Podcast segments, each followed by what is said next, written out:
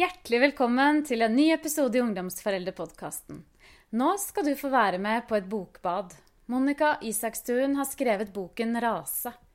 Og gjennom boken så kommer vi tett på en kvinne som blir litt for sint på barna sine.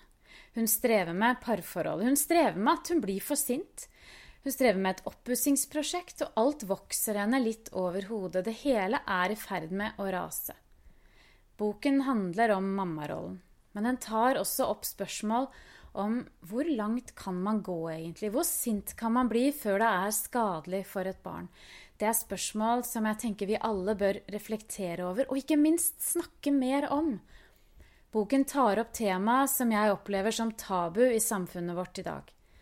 For vi vil jo helst fikse alt. Det har vel aldri vært viktigere det å være gode foreldre enn det det er nå. Og det er jo viktig. Foreldrerollen vår er kjempeviktig. Det mener jo virkelig jeg. Men vi må ikke bare snakke om det vi får til, og vise et glansbilde. Vi må våge å snakke om det vi ikke får til. Tørre å vise at vi ikke får til alt og fikser alt. Da blir det også et mer troverdig bilde for barna som vokser opp, for vi foreldre, vi er forbilder. Og de trenger troverdige, gode rollemodeller, rett og slett. Det er godt, syns jeg, at noen kan sette ord på det, sånn som Monica gjør i boken sin. Og Monica inviterte meg hjem til seg. Det slo meg når jeg kom hjem til Monica, hvor likt hennes liv er med hovedfiguren i boken hennes. Og jeg lurte egentlig veldig på hvor mye Monica er i boken. Hvor mye skriver hun om seg selv, egentlig? Ja, det får du svar på når du lytter til samtalen vår nå. Jeg sier bare god lytt.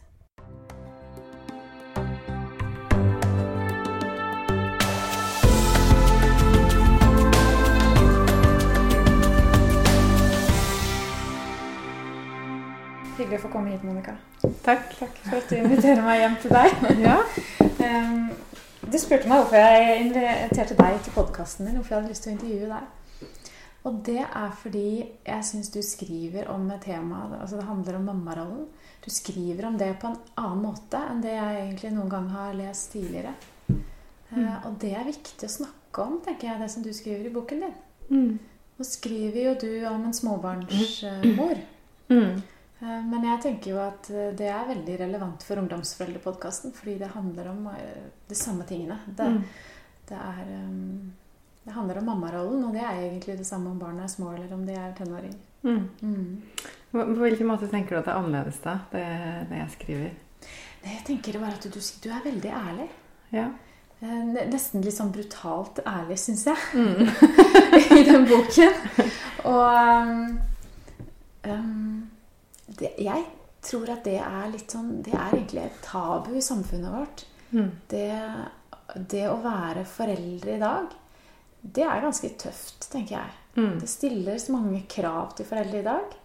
Jeg er litt sånn i glasshus, da, for jeg som familieterapeut jobber jo med å få gi foreldre gode råd om hvordan de, mm. kan, hvordan de kan være overfor barna sine, sånn at barna utvikler en god selvfølelse, at de blir trygge. Mm. Og så tenker jeg jo på den annen side at det sitter nok ganske mange foreldre og kjenner at de ikke strekker til. Mm. At de ikke får til kanskje å være den mammaen som de ønsker å være. Mm. Og så setter du ord på det, syns jeg, i boken din. Ja. Um, I hvert fall deler av det. I hvert fall den følelsen av å uh, ikke klare å være så rolig som man har tenkt. Da. Det er jo en ganske eller, det er ikke en sint bok, men hovedpersonen i denne boken er, bruker mye tid på å være sint. Mer enn hun ønsker. Uh, mens, så boken er jo egentlig Det er mye sinne i den, men den er ganske fortvilet, da, fordi hun, moren uh, ikke kjenner seg selv igjen og ikke har lyst til å være så sint som hun er. At hun føler at hun går i oppløsning, og at hun lurer på liksom, ja, hva gjør det med barna da, hvis jeg har så liten tålmodighet, eller hvis jeg eh, brøler til dem, eller ikke sant hvor, hvor, hvor, høyt kan man brøle til et barn? Eller hvor, hvor, lenge, hvor mange ganger kan man gjøre det før det, før det er farlig, på en måte? Eller før det er skadelig, da. Og jeg tror jo at Jeg vet ikke om det var det de mente var et tabu. Altså det å være sint. Jeg opplever jo eh, Det er i hvert fall noe jeg det, det er nesten sånn at jeg er mer redd for å bli sint enn selve det å være sint. For det å, det å eh, Det å være sint er jo en måte å miste litt kontroll, da.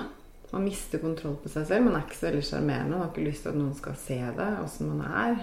Um, og det er veldig Altså Hvis man ser til Sverige, f.eks., så er jo de enda mer opptatt av det enn vi er. Og ikke å være ikke å, ikke å heve stemmen omtrent når man snakker til barna sine. Det, veldig, det, blir veldig mange sånne både sakte og usakte eller uskrevne regler om hva man skal og hva man ikke skal gjøre. da. Sånn at øh, øh, grensen for når man føler seg, en, øh, føler seg som en dårlig forelder, er ganske Jeg tror den er ganske mye trangere, eller nærmere.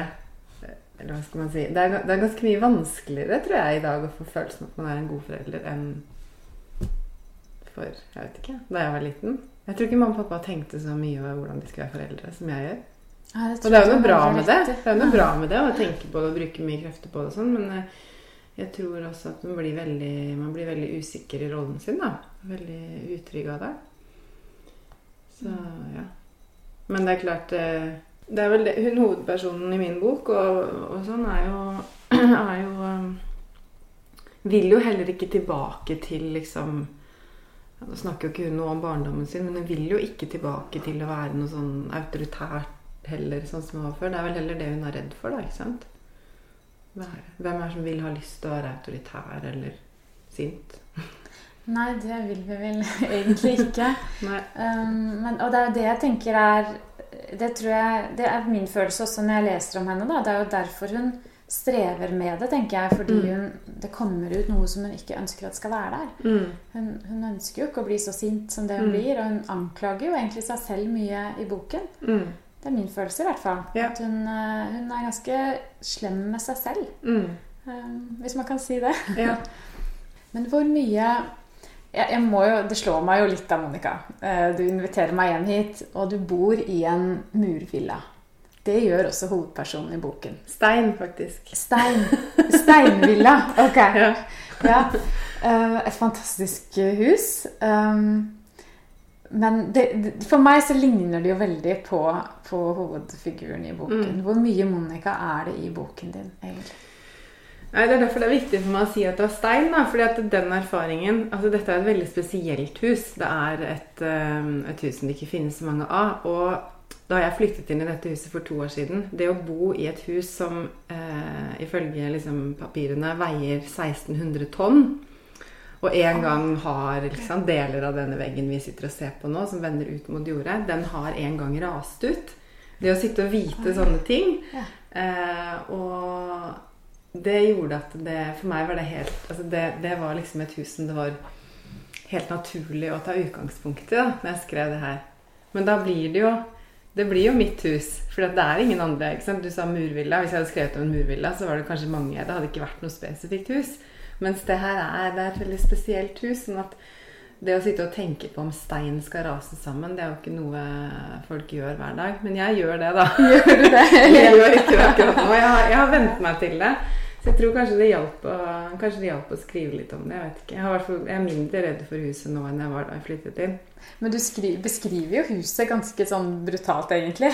ja, da, så det, har, det, det, er jo eh, Det blir svar på det du spør om. Da, hvor mye Monica er i boken din? Altså, jeg vet ikke hva jeg skal si. sant? Er jeg for 20% eller er det Det er veldig vanskelig å vite hvor mye det er av meg. Men, men alt Altså, når det gjelder huset, så har jeg jo liksom dratt på veldig. Jeg har gjort det mye eklere enn det er i virkeligheten. Jeg har gjort det mye skumlere enn det er i virkeligheten. Uh, og når det gjelder meg og hovedpersonen, så er jo det uh, Det er akkurat som jeg drar på litt der også. At jeg, at jeg, prøver å utforske noe som jeg liksom kan kjenne igjen. At jeg, jeg selv er veldig redd for å ikke være bra nok som mor. Og uh, bli for utålmodig, bli for sint. ikke er så liksom mild og snill som jeg gjerne vil være. Og så tar jeg og lager meg en sånn Eller jeg sitter jo ikke og bygger karakterer, det er jo ikke sånn jeg jobber, men jeg skriver i hvert fall fram en sånn en skikkelse som jeg kan sende ut liksom, i enda litt hardere vær enn meg selv. da. At jeg kan sende henne foran meg, og så se åssen det går. Og det går jo ikke så innmari bra hele tiden Nei, det gjør i den boken. Men, men, det ligger en sånn um, For meg så er det å skrive disse, disse tre siste bøkene som jeg har gjort, er liksom en måte å utforske noe på som jeg er opptatt av.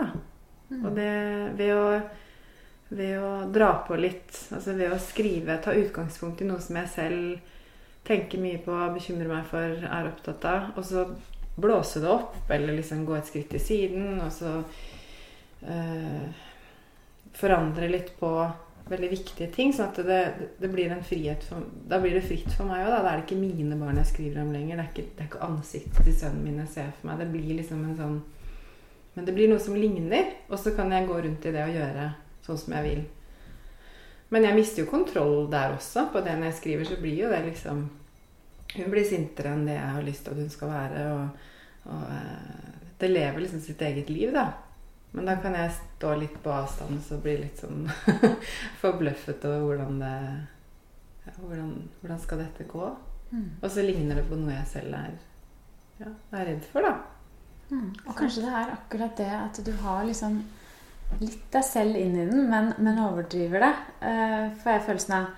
Så, så, er det kanskje det som gjør at det berører sånn òg. Mm. Fordi det er liksom Jeg får ikke opplevelsen av at det er sånn 100% oppdiktet. Men det er, det er, vel det som gjør det så troverdig, tror jeg. Mm. Og, og, godt, men også brutalt å lese boken din. Mm.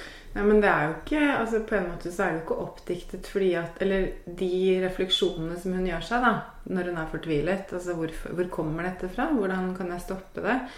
Eh, det har vært noe av det vanskeligste å skrive. Fordi da må jeg liksom tenke Da må jeg prøve å altså Det kommer jo ingen lette svar her, men da må jeg prøve å skrive fram de refleksjonene selv. Og prøve å virkelig tenke på ja, hvor kommer sinnet fra, og er det mulig å stoppe? Og hva, hva, er, det? hva er det å være sint? Um, mens det å skrive de scenene hvor hun brøler og skriker, eller barna sitter, alle sitter og spiser middag, og alle må bæsje samtidig, og alle de tingene der, det er jo gøy. Det er jo lett. Eller det er jo på en måte De tekstene er det fart i, da. Så når det blir sånne voldsomme scener hvor det er roping og barn som ikke vil vil og vil og om hverandre, så, så, er det på en måte Da går det litt mer av seg selv.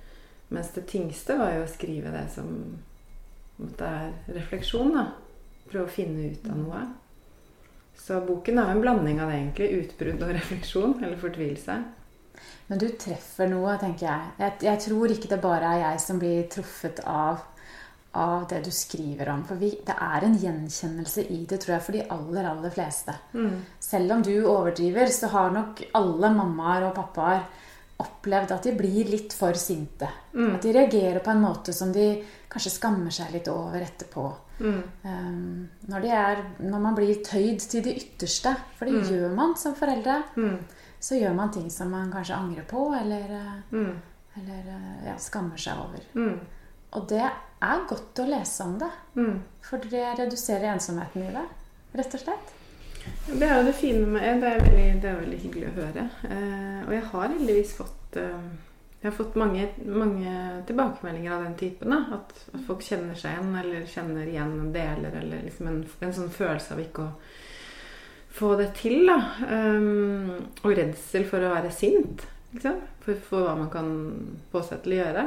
Fordi det, altså, det som jeg syns eh, hun, hun, setter seg jo ned om kvelden sant, og så prøver å tenke gjennom hvordan kan, man, hvordan kan vi få til morgendagen bedre. Og det har jeg gjort selv i mange altså F.eks. ferier, da, hvor man egentlig bare gror mer og mer inn i sånne karikerte figurer etter hvert. Hvor han som kanskje er litt trassig, blir sånn bare trassig. Og hun som, er, hun som slår litt, hun bare slår. Og hun som, at alle blir sånn tegneseriefigurer som tar fram det verste i seg selv. Og da sitter jeg ofte på kvelden og jeg og mannen min og liksom Ok, hvordan skal vi gjøre det bedre i morgen? Og liksom ikke, for vi, da må jo vi være mer tålmodige. Og så hvis han gjør sånn, så må vi si sånn. Men så står man midt oppi det, da. Og så, og så er det ikke mulig å, å, klare å være rasjonell kanskje den tiende gangen. Eh, mm. Når spørsmålet stilles, eller eh, ropingen eh, tiltar, liksom. Sånn at det, Det er jo det med Det er det med å bli tatt på senga av liksom irrasjonalitet som er, som er vanskelig med barn, da, tenker jeg. Og med, eller at det ikke er mulig å Det er ikke mulig å, å sitte i teorien og planlegge hvordan ting skal bli. Fordi det blir ikke sånn. Og Ja, man skal være bra tålmodig da, for å Mm. klare å liksom Mm. være, reagere rolig hele tiden.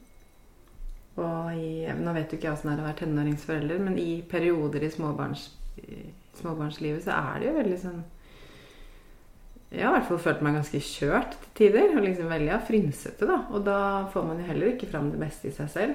Ja, det tror jeg du Det tror jeg ikke du er igjennom. om. Så sover litt lite, kanskje prøver å få til noe på jobb i tillegg, og så er det liksom Mm. Og hvis man i tillegg går og gnager på seg selv og har dårlig samvittighet og føler at man ikke eh, får til å være like bra forelder som man vil være, så, så blir jo det også Det blir jo også noe som liksom eh, gir høyere skuldre, da. Mm. Så, Og noe du også skriver litt om, er jo parforholdet. Hvordan de også strever seg imellom. mm, Eh, Og tålmo- hvor tålmodig han er, og det, hvordan det gir henne en enda større opplevelse av at hun ikke strekker til. mm, For han legger seg jo en periode inn på, på rommet til tvillingguttene mm. om natten fordi Mm. den ene har natteskrekk. Mens hun har ikke tålmodighet. Hun blir, hun blir Hun har ikke skjønt det engang. Hun Nei. tror bare hun, Da tror jeg hun er liksom eh, Jeg vet ikke. Ganske sånn eh, Ja, det er jo ikke så bra, da, på en måte gjort av henne, men hun, eh, hun er trøtt midt på natta, og så tror hun tror på en måte nesten at gutten gjør det med vilje. Sant? At han kommer inn og sier at han er redd og ikke får sove og sånn. Og det er jo ikke alltid lett å vite hva som er Er de redde, eller er det liksom bare Prøver de å komme opp i senga igjen, eller hva er det for noe? Mens når dette har gjentatt seg mange netter, så, eller to-tre da kanskje, så, så kommer mannen hennes med forslag om at eh, jeg tror kanskje at det er nattskrekk. Da blir jo fortvilelsen, fortvilelsen hennes også veldig stor, fordi hun Det så ikke hun, liksom. Det har ikke hun klart å tenke på. Men det gjør han. Og sånn er han eh, litt da hele tiden, men uten å hovere. Han er jo ikke noe sånn Han gjør ikke noe nummer ut av det overfor henne at han er roligere eller sånn, men han, han er roligere. Eh, og så tror jeg at han også prøver å på en måte kanskje balansere litt av hennes uro, da. Ved å si, sant, når hun bekymrer seg for huset og at ting skal falle sammen, eller insekter på loftet, eller uh, ting med barna, så prøver han liksom å si men kan vi ikke ta en ting av gangen?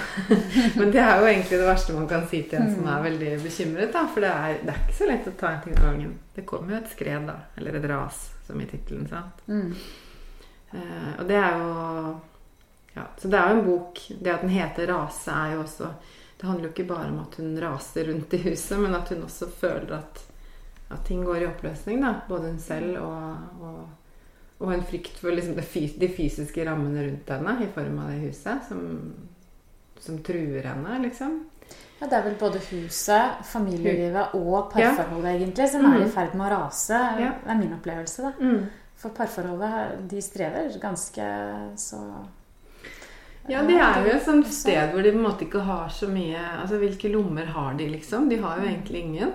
Uh, og så har de bare kom, Altså Ting har gått fort, sånn som det gjerne gjør. da, At man eh, at Særlig hvis du ikke får barn sånn kjempetidlig, så, så får man jo gjerne flere barn tett. Og, så, og da har de fått liksom en Eller hun har ett barn, og så har de fått tvillinger, og så er det dette store huset, og de har liksom lagt på seg noen sånne byrder, da. Som man gjør. Det er ikke, og det er jo ikke det at hun at hun eh, ikke vil ha dette voksenlivet heller. Det er jo bare det at at den følelsen av ikke å ha noe luft da, igjen, er, eh, gjør at hun ikke Ja, det er nesten sånn. Og det ser man at hun står og gisper etter pust, liksom, i hele boken. mm.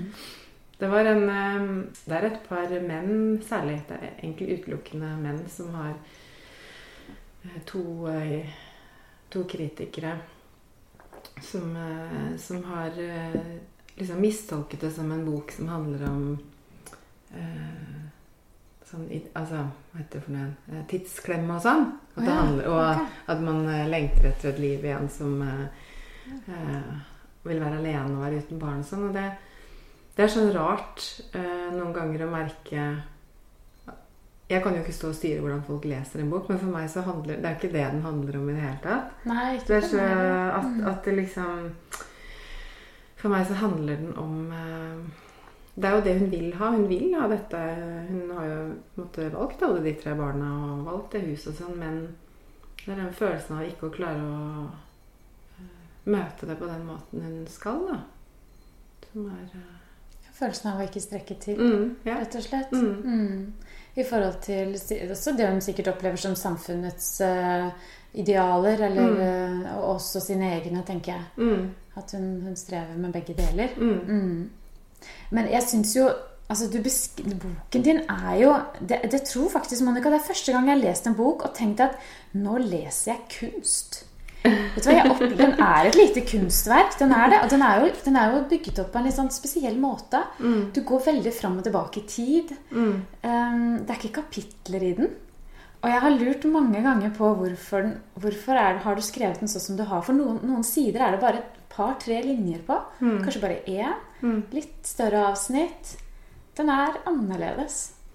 Ja, den er bygd opp av eh, ja, så, ja, masse fragmenter. da. Det er, ingen, det er vel nesten ingen tekster som løper over mer enn to-tre to, sider der. Og så er det plutselig en halv side, og så er det eh, Og sånn har jeg egentlig jobbet nå, eh, både med den forrige romanen min, den som heter 'Vær snill med dyrene', eh, og denne her, så har jeg jobbet med eh, mer et tema enn en handling. sant? Det ser du. Det er jo ikke altså, Ja. Man kan jo godt si at det er tidsløp i den boken. At det er fra de møtes til de liksom Til hun sitter og i sofaen omtrent på siste side og prøver å nærme seg han på en eller annen måte. Men, men det handler jo om Måten jeg jobber på, er liksom at jeg ok, tenker på raseri, tenker på, på alt det som kan eh, oppstå da med situasjoner i hverdagslivet og, og sånn. Og så, og så går jeg inn og så skriver ut sånne scener da, som ikke henger altså, Litt sånn som om jeg sitter med en stjernekikkert. Det er sånn hvor det er sånne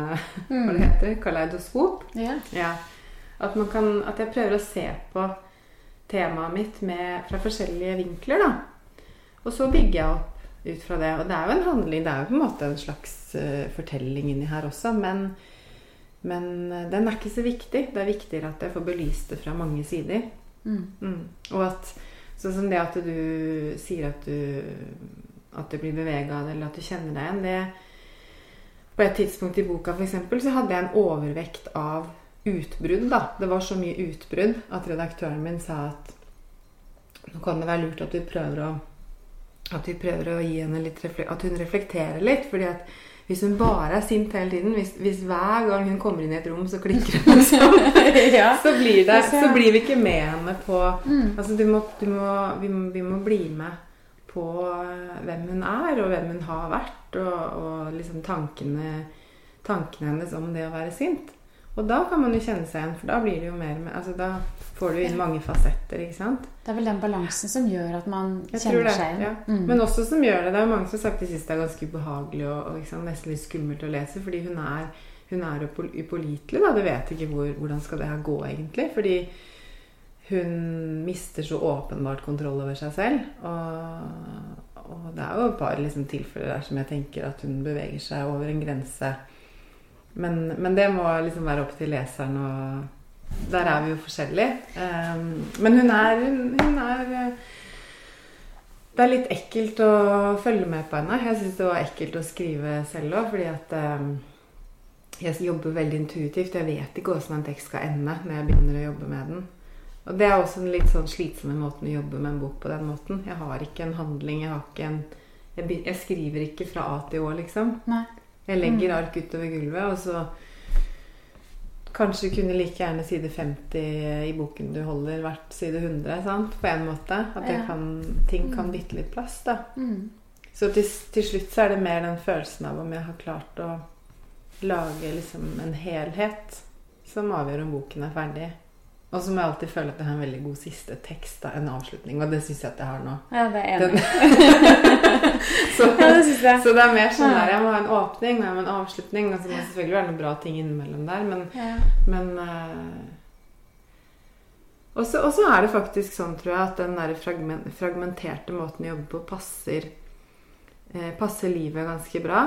Nå jobber jeg jo fulltid som forfatter, men da jeg begynte å skrive roman igjen etter å ha fått uh, tvillingjenter i 2014, så, så tenkte jeg at herregud, jeg kommer jo aldri til å klare å skrive noe som henger sammen igjen. Sant? Man føler jo inn- innimellom at man ikke klarer å tenke sammenhengen engang.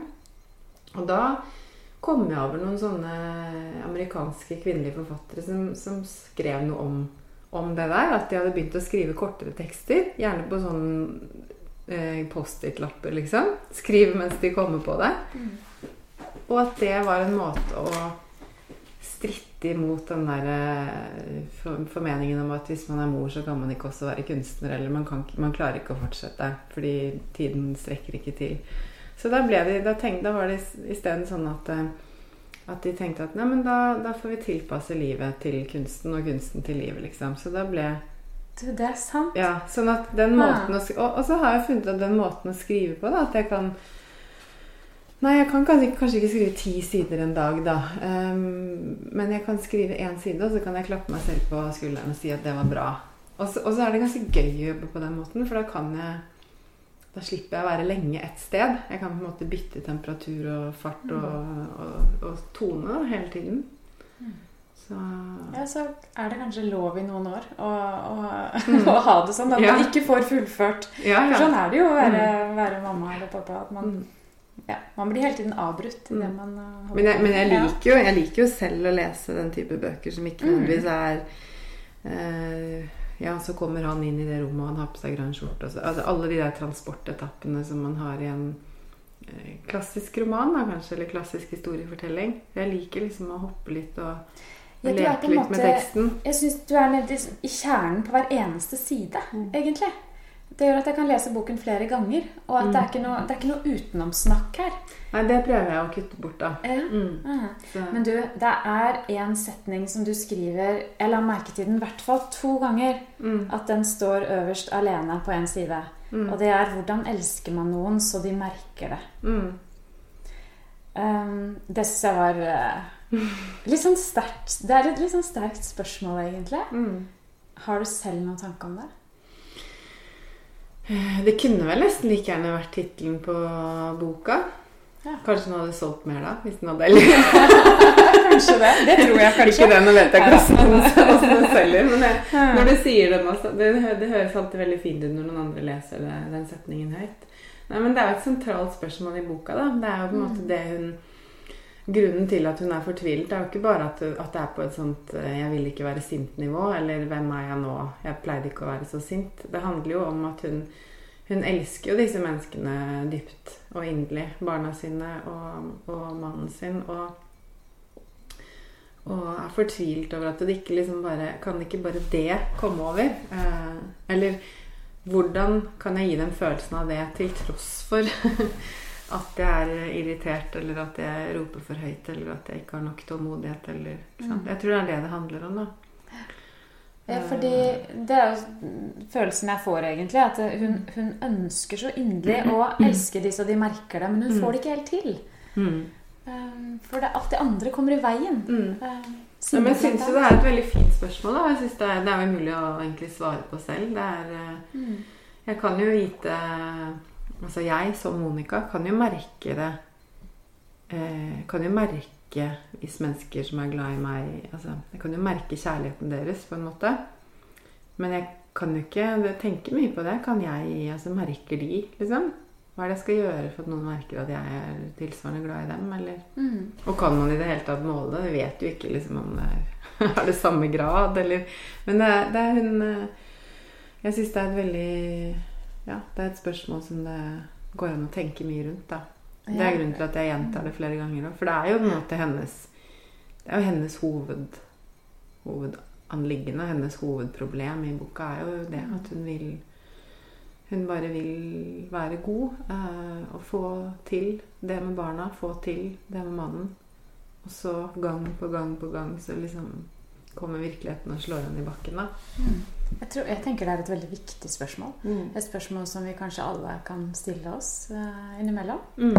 Um, for det er jo gjerne i de aller næreste relasjoner at vi også strever med det. Mm. Det er vel kanskje i forhold til de vi er aller mest glad i også. Mm. At vi, det, er, det er de som det er viktigst for oss, at de merker det. Mm. Men så er det vel også de vi blir aller mest sint på. Mm. Og vi er oss selv, og vi sant? Vi, ja. Jeg tror, jeg, tror, um, jeg tror du har stilt et veldig viktig spørsmål i boka di. når det gjelder akkurat det.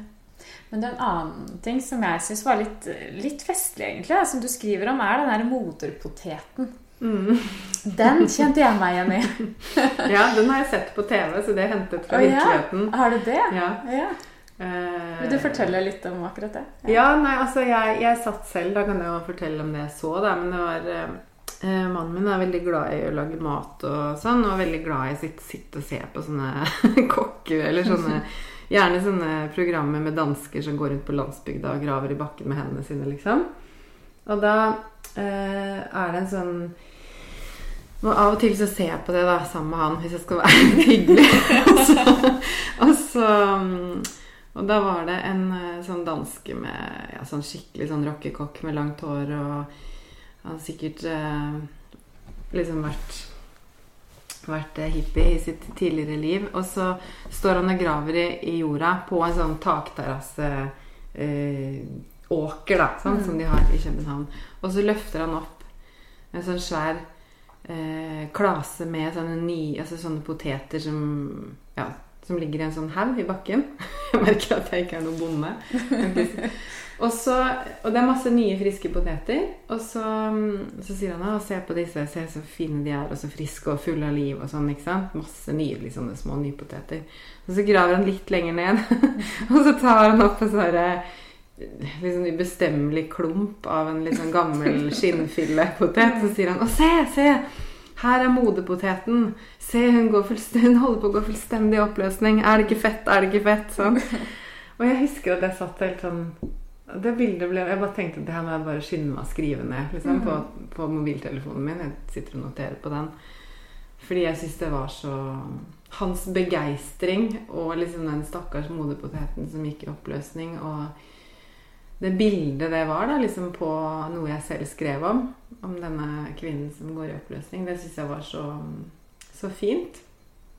Eh, og det er jo litt sånn det føles. Man bare jeg vet ikke, setter nye liv til verden, og så skal Og så går jo altså Forfallet er jo på en måte Det går jo sin gang, det. Man er jo på en måte bare på vei til å bli eldre og Det det. skal prøve å innfinne seg Mm. med det på en eller annen måte. da Sånn at jeg, jeg syns det var et litt sånn Det var et vakkert bilde også på liksom den Ja det naturlige og det helt uunngåelige i det, liksom. Mm. Men også det triste, da.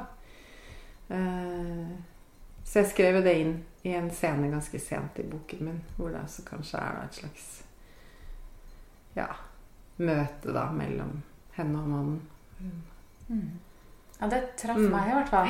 Jeg kjente med en gang at oi, det var deilig at noen skrev om akkurat den følelsen som man Mm. kan sitte med. Mm. Um, det har jeg tenkt på, i hvert fall. Mm. At uh, jeg, jeg føler meg i hvert fall veldig som den der moderpoteten. Mm. Som bare virkelig er i ferd med å skrumpe litt inn og få litt skrukker. Og, og um, ja, ikke like mye glans da, Mm. som tidligere. Mens, mens barna de er liksom i ferd med å slå ut i full blomst. Og, Ja, ja. og det, er så, det er jo fantastisk, og det er Mm. sånn det skal være. Mm. Eh, og det føles godt og Mm. veldig riktig, men det er, ikke så, det er ikke alltid så gøy å være den der innskrumpa moderpoteten heller. Det er jo ikke det. Nei. Det. Jeg lurer på om menn føler det sånn. De Ja, sikkert det. Men det er noe andre Ja, tror du de gjør det? Ja, De føler vel sikkert at de blir slitne av barna, men jeg tror de Mm. blir det på en annen Jeg tror det er noen forskjeller her som handler om biologi. da Som er eh, Mm. Man har dyrket det fram, rett og slett. Mm. Vi har dyrket det fram, og, Mm. Og moderpoteten bærer preg av det, liksom. Gjør jo det. Det er jo ikke sånn at man blir ødelagt fra en dag til en annen, men at det er at kroppen eh, bærer preg av å liksom bære fram barn. Barn etter barn etter barn. Eh, og at man blir eldre, da. Det er jo liksom en hard kontrast til nypotetene. Men uten Ja. at hun, poenget er heller ikke at hun sammenligner seg med dem. Og det gjør hun jo ikke i boken heller. Men, men at, at det er den derre vet ikke. Ja, følelsen av å være en uh, hun sier jo det et annet sted i boken nå, at hun har dyrket fram ikke sant? Mens, at hun har dyrket fram ørene deres og lungene deres. Og, ikke sant? Det, det er jo naturlig å tenke seg at det tar noe fra kroppen når man får til å produsere så mye. Det er, en Eh. ting er, det er jo kroppen, ja, den kan man jo se det på sånn Mm. rent visuelt, faktisk. At den skrumper litt inn. Men sinnet, da? Men også sinnet, tenker Mm. jeg. Fordi selv så, så tar jeg meg stadig oftere i å spørre barna mine til råds om ting. Mm. Eh, For det er ting de kan bedre enn meg. Ja. For de er en annen generasjon. Mm. Um, og det, det, er også en del av det, tenker jeg. Ja. At vi, eh, vi er jo absolutt Vi er jo ikke, er ikke så gamle, eh, vi, Monica. Men, men, likevel så, så, er det ting som den nye generasjonen kan og ser, som ikke vi ser. Mm. Og det, det, er også en del av det å få større barn etter hvert. Og, mm. jeg, gleder, jeg, er spent på det. Jeg, jeg føler foreløpig ikke at det er så mye jeg kan få svar på. Bortsett fra liksom, hva, hva en killer clown er og sånn. Det kan jeg få vite. Men mm. ellers så er det mm. Er det et uh, ukjent territorium for meg. Ja, ja, er ganske små fortsatt. Ja, og Mine begynner å bli ganske store. Mm. Så, så, jeg kjenner meg veldig igjen i den beskrivelsen der med at uh, at barn og ungdom nå er digitale innfødte, mens vi er mm. digitale innvandrere, f.eks. Ja. Jeg må spørre de til råds, og jeg ser mm. at de har et helt annet tempo på det digitale, annet. Mm. Og, og, de lærer ting som ikke vi lærte når vi gikk på skolen. Mm. Ja. Mm. De utvikler noen ferdigheter som, som ikke vi har. Mm. Og det tenker jeg det er fint også. Det er godt å se. For det er jo faktisk de som skal uh, ta vare på oss etter hvert. det er lenge til. Det er lenge til. Det er lenge til. Ja. Mm.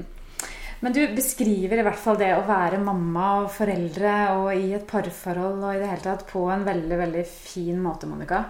Jeg takk. vil bare anbefale alle å lese boken din. Mm. Tusen takk skal du ha. Takk for at jeg fikk lov til å komme hit i dag. Bare hyggelig. Takk.